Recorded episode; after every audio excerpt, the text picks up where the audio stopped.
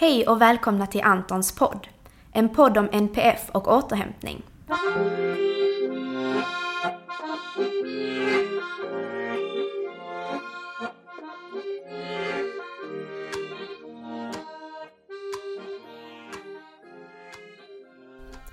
Jag heter Marie och kommer att i dessa poddavsnitt utforska olika aspekter av hur det är att leva med eller tillsammans med någon med NPF, neuropsykiatrisk funktionsnedsättning.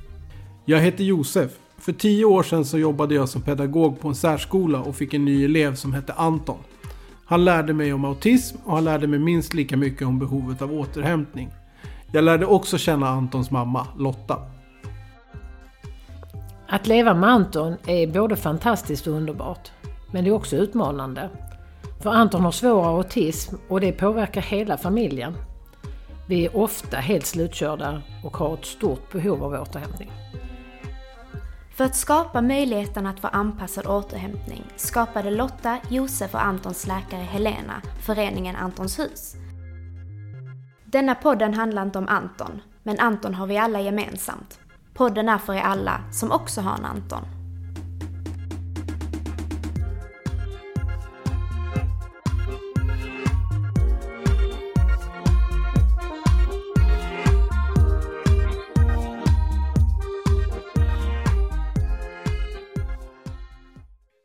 Hej och välkomna till avsnitt 8 och idag ska vi prata om LSS-boende. Och Uppdrag granskning tog faktiskt upp detta häromdagen i deras program och det var ett avsnitt som hette Dicks rop på hjälp, vilket var ett väldigt upprörande att se och som väckte många känslor. Och eh, har ni inte sett det avsnittet så rekommenderar jag att ni klickar in på SVT Play och gör det. Så som ni kanske märkt så kör vi podden på ett annat format än vad vi brukar.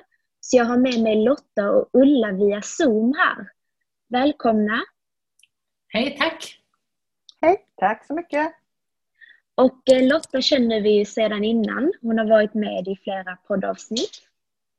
Eh, men Ulla, det är första gången du är här, så skulle du vilja berätta något kort om dig själv? Mm. Jätteroligt att vara här. Uh, Ulla Adolfsson heter jag och jag är ordförande för Autism och Aspergerförbundet. Det har jag varit i två år. Och eh, innan dess så har jag också arbetat eh, i Autism och Aspergerföreningen i Göteborg. Autism och Aspergerförbundet då, det är eh, ett förbund som har drygt 18 000 medlemmar från hela landet. Och eh, vi är 24 olika distrikt. Och vi jobbar med att eh, det ska bli så bra livsvillkor som möjligt för människor som har autism och för närstående. De här frågorna om funktionsrättsfrågor de har jag varit intresserad av ja, i snart 40 år då, kan man väl säga. Och så är jag förälder till en eh, vuxen eh, man som snart fyller 40 år. Han heter Alfred och eh, som bor på en gruppbostad och har daglig verksamhet och har haft de flesta av de där insatserna som man kan få av, av LSS ifrån LSS genom sitt liv. Även om det kanske inte hette LSS när han var liten, för LSS kom ju, fanns inte när han föddes. Okej, så om vi börjar med då om eh, Ulla, om du kanske vill berätta lite kort om vad LSS-lagen är och vad LSS-boende är för våra lyssnare som kanske inte vet eller har sett avsnittet på Uppdrag granskningen. Mm ska jag göra. LSS det är en lag om särskilt stöd och service för vissa funktionshindrade. Så om man har till exempel autism och en intellektuell funktionsnedsättning så tillhör man de personerna som kan söka en insats ifrån LSS. Och LSS har funnits sedan början av 90-talet. Och eh, det är tio olika insatser som man kan söka.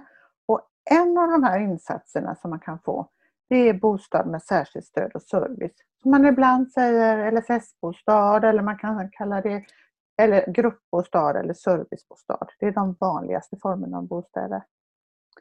LSS är ju, har vi ju hört mycket om det senaste. Dels så handlar det om det här som Uppdrag granskning hade, men det handlar också om nedskärningar, försämringar av lagen. Man gör avslag eh, många fler avslag än man gjort tidigare när det gäller en del insatser. Man gör omprövningar och ut, så både det här att man inte får insats på samma sätt som tidigare men också så här att själva det här insatsen, innehållet i det eh, blir sämre än det har varit tidigare eller inte lika bra som det har varit tidigare. Så vi ser försämringar inom det här området när det gäller LSS. Så vi tycker ju att man ska återställa LSS. Det ska bli bra igen. Det ska vara en bra lag. För egentligen är det en bra lag om man följer lagen. Har ni några spontana tankar kring Uppdrag gransknings reportage som eh, de spelade häromdagen? Alltså, man blir ju jätteupprörd. Och när man hör ropen på hjälp och man ser vilken utsatthet eh, Dick och Robin i detta fallet eh, befinner sig i så alltså det gör ont i, i hela ens hjärta och själ. Men vad jag framförallt tänker på det är att, att det, alltså det måste finnas ett system som fångar upp när det kommer fel människor på de här arbetsplatserna. För människorna som, som bor på LSS-boenden, de kan inte berätta oftast om sin situation, för de har inte orden eller förmågan och sättet. Så vi runt omkring, eller de personerna som är runt omkring, har ett jättestort ansvar. Sen är det hög personalomsättning och det är svårt och det är alltihopa. Det, det är inte, absolut inte lätt, men, men då behöver ju personalen som är där ännu mer stöd och ännu mer handledning och ännu mer närvaro av ledningen. Och det gäller både de som är chefer direkt för boendena, men även de som står över dem. Och faktiskt politikerna måste också kolla att det som är bestämt, att det blir så att man har en uppföljning. Jag blev ju jättebesviken på IVO som är Inspektionen för vård och omsorg, som ju faktiskt ska stå på, de, på brukarnas sida, alltså för de som får insatserna. Och eh, de är ju väldigt tandlösa, det, det, det måste jag faktiskt säga. Ja, alltså jag måste säga att jag, jag är inte förvånad när jag tittar på Uppdrag granskning. Jag har genom åren hört så många förfärliga berättelser från anhöriga, också från personal. Eh, och ibland också från personer som bor på gruppbostad. Men det är, gör ju ont. Det gör ont när jag tittar på programmet och när jag lyssnar och jag funderar över hur det har blivit att vi har hamnat här. Vi vet jättemycket om intellektuell funktionsnedsättning, jättemycket om autism. Det finns eh, många bra och eh, bra sätt att möta människor och ändå blir det så här. Eh, och det, det, det är förfärligt. För precis som du också är inne på Lotta så, så behövs det en hel del. Alltså när man Dels så behöver man, när man bygger en, en gruppbostad eller en servicebostad, bygga på rätt sätt. Så att det blir anpassat efter personerna som ska bo där. Så bygg, hur bygger vi gruppbostäder idag? Det är otroligt viktigt. Och personalen som arbetar där, de måste ha utbildning, men de måste också ha lämplighet och de måste också förstå det arbetet de ska göra och vilja göra det och förstå vad lagen säger. De måste ha kompetens, de måste ha eh, grundläggande kompetens om funktionsnedsättningar. De måste också ha autismkompetens om man ska jobba med personer som har autism. Och så måste de ha den här, inte bara grundläggande generella kunskapen, de måste ha om varje hyresgäst som bor på gruppbostaden måste de naturligtvis ha kunskap. Och du nämnde det Lotta, chefer på plats, otroligt viktigt. Det är också chefer som anställer. Och om inte chefer har kompetens, då vet de inte vad de ska anställa för personer och vad de behöver för kompetens. Sen måste det finnas rutiner, handledning. Man måste ha rutiner. Vad gör vi när någonting händer som vi inte har tänkt oss och som inte är bra? Hur hanterar vi det? Och vi måste också våga fråga. Så det finns jättemycket man kan göra. Så det gör mig så ledsen när jag ser det här så programmet häromdagen. För det hade inte alls behövt vara så. Ja, och man, jag måste också... Eh, alltså jag, måste, jag tycker det är så viktigt att det finns den här eh, eh, alltså stöttningen. Om, om man jobbar direkt med, med med Robin eller Dick eller någon annan, vilken brukare som helst, så behöver man verkligen stöd och hjälp från sin chef och någon måste också titta på den chefen. Och så vidare, som vi var inne på innan. Men jag kan säga där Anton bodde tidigare, de hade en skola och de hade en daglig verksamhet, det var en stiftelse. Och de hade boende och korttidsvistelse. Det är sån här LSS-insats, inte skolan naturligtvis, men annars. Skolan fungerade jättefint. De andra grejerna var, daglig verksamhet vet jag inte. Men boendet fungerade inte alls. Och då bodde tre killar just då tror jag, det var fyra lägenheter, men jag tror det var tre killar som bodde tillsammans. Och det var mycket incidenter, det var mycket som hände hela tiden. Och det var polisutryckningar, det var saker som gick sönder och man märkte verkligen att jag hade ju min son då Anton som jag hade koll på, han mådde inte bra. Men vi fick inte reda på vad som hände. Och då får man rätt till att få ta del av incidentrapporter. Men det fick vi inte. Vi frågade efter det hur länge som helst. Vi fick aldrig dem. Hur länge som helst, är något år eller så. Så vi gjorde en IVO-anmälan och vi gjorde överhuvudtaget en IVO-anmälan på hur det fungerade där.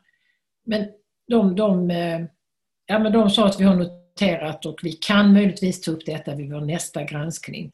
Och sen hänvisades, så stod det en massa olika paragrafer som det hänvisades till.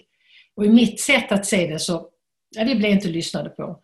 Men den personalen, för det är ju sällan så att all personal är dålig utan där finns ju också personal som är väldigt bra och som vill göra någonting. Så I detta fallet fanns det personal som reagerade. Och det var också de som sa till oss att, eh, att, att nå, någonting behöver göras Så därför började vi så här. Men det hände överhuvudtaget ingenting. Så till slut så kom de i en situation där de gjorde, tog kontakt med sitt fack och gjorde en arbetsmiljöanmälan. Så facket kom ut, de kom ut och granskade IVO, var inte där. Ja, de har kanske sina vanliga, men då hade de bara några små grejer och sen sa de att de hade rättat till det. Så precis som programmet så blev det liksom mer att ja, men vi, IVO har varit här och godkänt. Så det blir mer liksom att vi kan fortsätta som vi gör. Men arbetsmiljö, kom ut och sa att det här går inte, ni kan inte ha den här arbetsmiljön, ni som arbetar här. Så görs det inte något åt detta så får vi stänga platsen. Så det tog större hänsyn till de som arbetar än de som bor där. De som arbetar går hem efter dagen, de har ett annat liv. De som bor där är där 24-7. Jag tyckte det var jättebra att, det blev, att arbetsmiljön togs upp och att facket reagerade, för det var väldigt dåligt. Men det, jag blev så besviken på att det på perspektivet att människorna som behöver mest stött, stöttning och behöver mest hjälp och, och, och stöd från samhället, IVO i detta fallet, får inte det.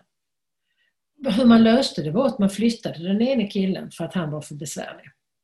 Han flyttades till Dalhem i Malmö, inte direkt kanske. Sedan så blev ju problemet kvarstod, för det är ju inte de ungdomarna som bodde där bodde där ju av en anledning, för att de behöver mycket stöd och de behöver mycket hjälp. Och de har stor problematik. Men då blev det ju istället någon annan som blev det problemet. Och det löste man genom att då flyttades den personen. Och så, och så går det till hela tiden istället för att man verkligen ser till att ledningen ger personalen möjlighet att lyckas. Och att man har öppet högt i tak så att man kan hjälpa varandra och, och be varandra om hjälp. Och om man får en bra arbetsmiljö så kommer de som är bra att fortsätta arbeta där och de som är inte ska ha den typen av arbetsuppgifter för de inte passar till det, de kan passa till någonting annat, de kommer till att lämna, sannolikt. Så att, att ledningen och kontroller och att man gör uppföljningar och ser att, att LSS faktiskt och intentionen med LSS-lagen följs. Jag tycker att det är A och O.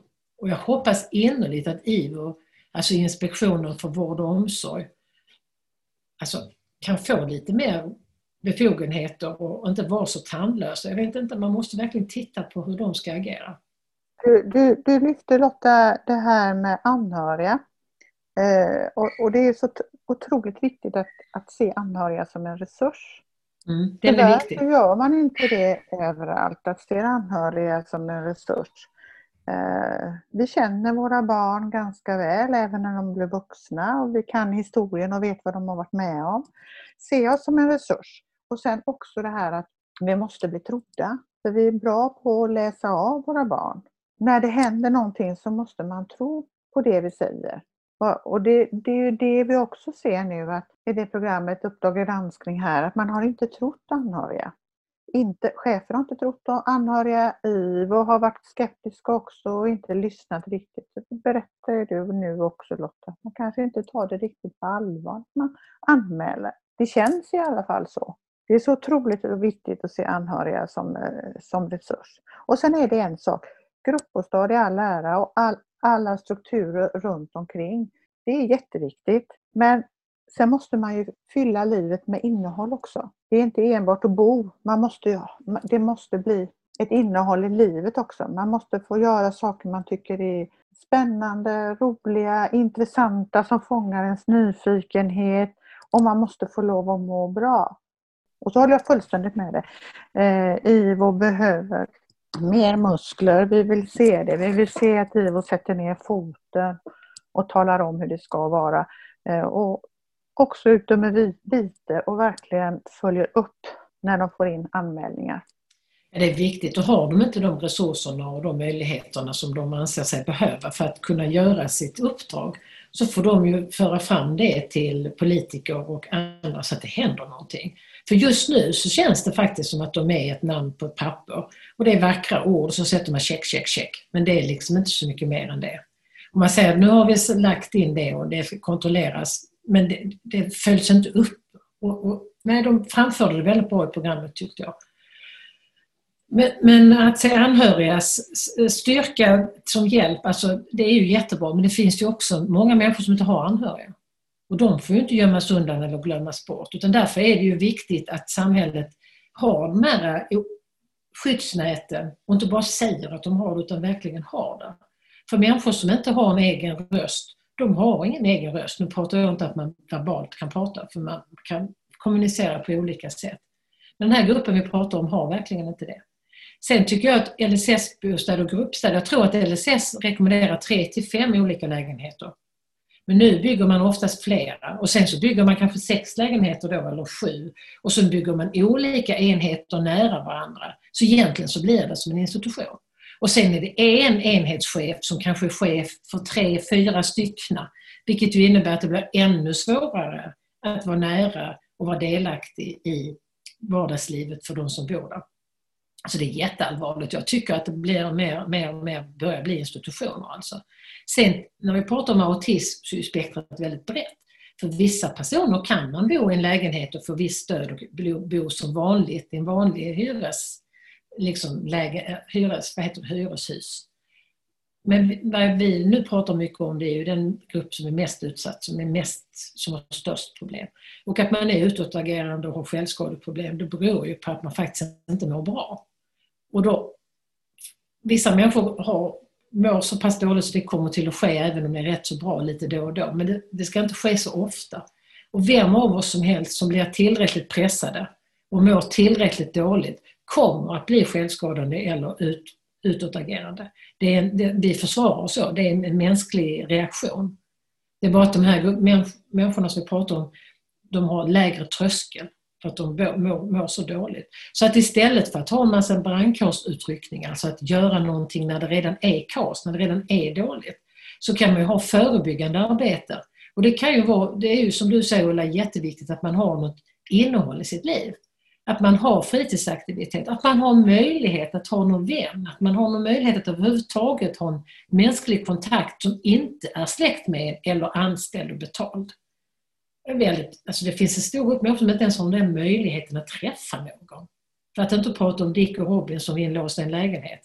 Men det finns många andra. Och där måste vi hjälpa till, för det är en mänsklig rättighet faktiskt. En annan grej de tog upp på programmet som jag tyckte är viktigt att man sätter, ögon, eller sätter fokus på, det är det här med medicinering och övermedicinering. Jag har också träffat många föräldrar som är förtvivlade för att de ser sina barn mest sitta som, som de beskriver som zombies. Och de, och de menar på att, att, de, att det är övermedicinering. Och där har ju, återigen så är det ju väldigt, de här människorna kan ju inte själva. Utan man måste ju runt omkring, där har ju läkarna som föreskriver alltså som skriver ut medicinen ett stort ansvar. Att också lägga upp, det kan ju behövas akut att man har den här medicineringen. Men man måste också ha en plan hur man ska fasa ut det. Och vad ska man göra för att man inte ska behöva den kraftiga medicineringen längre? Det finns många som personalen fixade för att personen ungefär är helt neddragen. Vi vet ju inte hur personen känner sig inuti. Man vet ju bara hur man är utåt. Men jag, tycker det är så viktigt att man ser på hela bilden och, och, och också att det finns, det finns möjligheter, det finns saker att göra. Man kan göra och det, jag tror att det blir, förutom att det blir högre livskvalitet för personerna som vi menar, så blir det också samhällsvinst och mer samhällseffektivt. För det är inte, det är inte så att det kostar mindre för att det inte fungerar alls. Det kostar väldigt mycket i alla fall. Eller det kostar inte, kanske inte väldigt mycket, men det kostar detsamma om det inte alls fungerar eller om det fungerar. Det, det är inte någon ekonomisk skillnad på det. Det, det är tvärtom, att har man ett system, ett system och ett boende som fungerar så kommer det också bli mer samhällseffektivt och rent krasst ekonomiskt kommer man också att vinna mer. Alltså, det kommer att bli bättre för samhället på alla sätt. Förutom att det är bättre för individen och individens nära anhöriga. Jag är helt övertygad om.